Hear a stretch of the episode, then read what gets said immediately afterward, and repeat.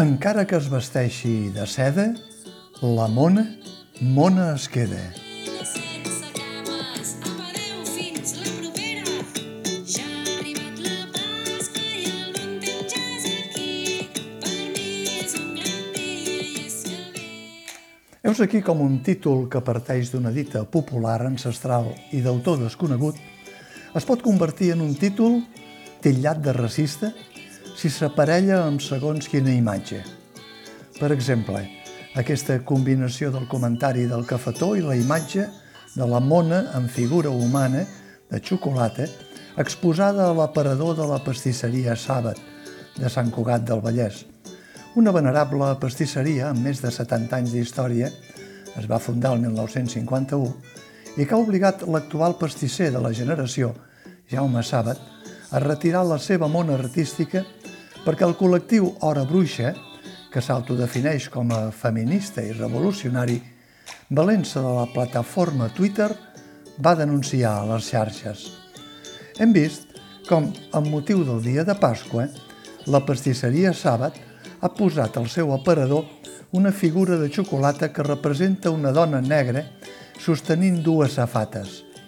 Creiem que en ple 2023 i després de totes les campanyes que s'han fet per denunciar el racisme intrínsec que hi ha darrere de relacionar la xocolata amb les persones negres, els conguitos, colacao, etc., està fora de lloc seguir perpetuant aquesta imatge plena de tòpics. I continua exposant en el seu fil el col·lectiu Hora Bruixa.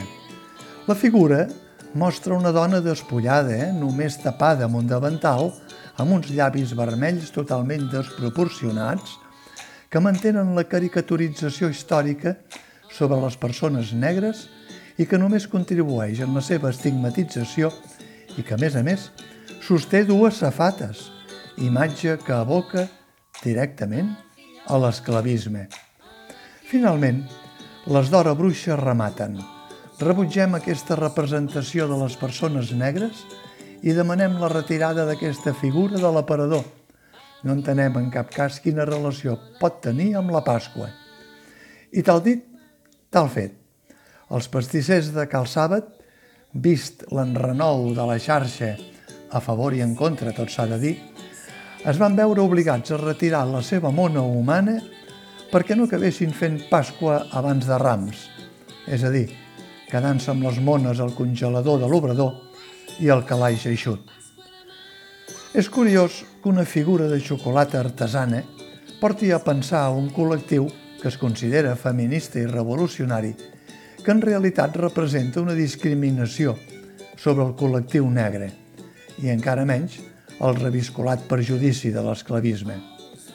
La figura de xocolata negra de l'aparador de Cal Sàbat era una figura avillada com vesteix un pastisser o una pastissera que treballi en un obrador. Amb el davantal, passem per alt l'apreciació de despullada perquè en cap cas la figura es pot dir que pequi d'obscena.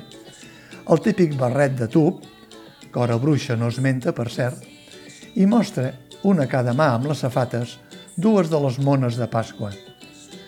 No sé qui discrimina més aquí, que les integrants d'Hora Bruixa els molesti que la figura sigui una pastissera negra, sembla que siguin elles les que rebutgin que una persona negra pugui exercir de pastissera i que una pastissera mostri amb orgull dues de les mones que ha fet el seu obrador hauria de ser motiu d'orgull, això, d'orgull artesà, més que d'un presumpte tòpic modern d'esclavisme. Crec que els pastissers de Cal Sàbat han cedit massa de pressa a les pressions de la xarxa retirant la seva mona de l'aparador. Jo hauria reblat el clau elaborant automàticament una altra mona, però aquesta amb una figura humana de xocolata blanca, amb una pastissera també avillada com la seva companya negra, davantal i barret alt, amb els dos braços estesos, mostrant també a les safates dues de les mones de l'obrador. I a veure si les d'hora bruixa gosarien demanar aleshores que també es retirés de l'aparador la mona de xocolata blanca per discriminació o esclavisme. La pastisseria ofici noble, té el lloable do de fer-nos la vida més dolça. I no hauria de ser motiu de polèmica ensegada de xarxa que la dolçor ens la proporcioni tant una pastissera negra com una de blanca. Només pensar en les dues classes de xocolata se't fa la boca aigua.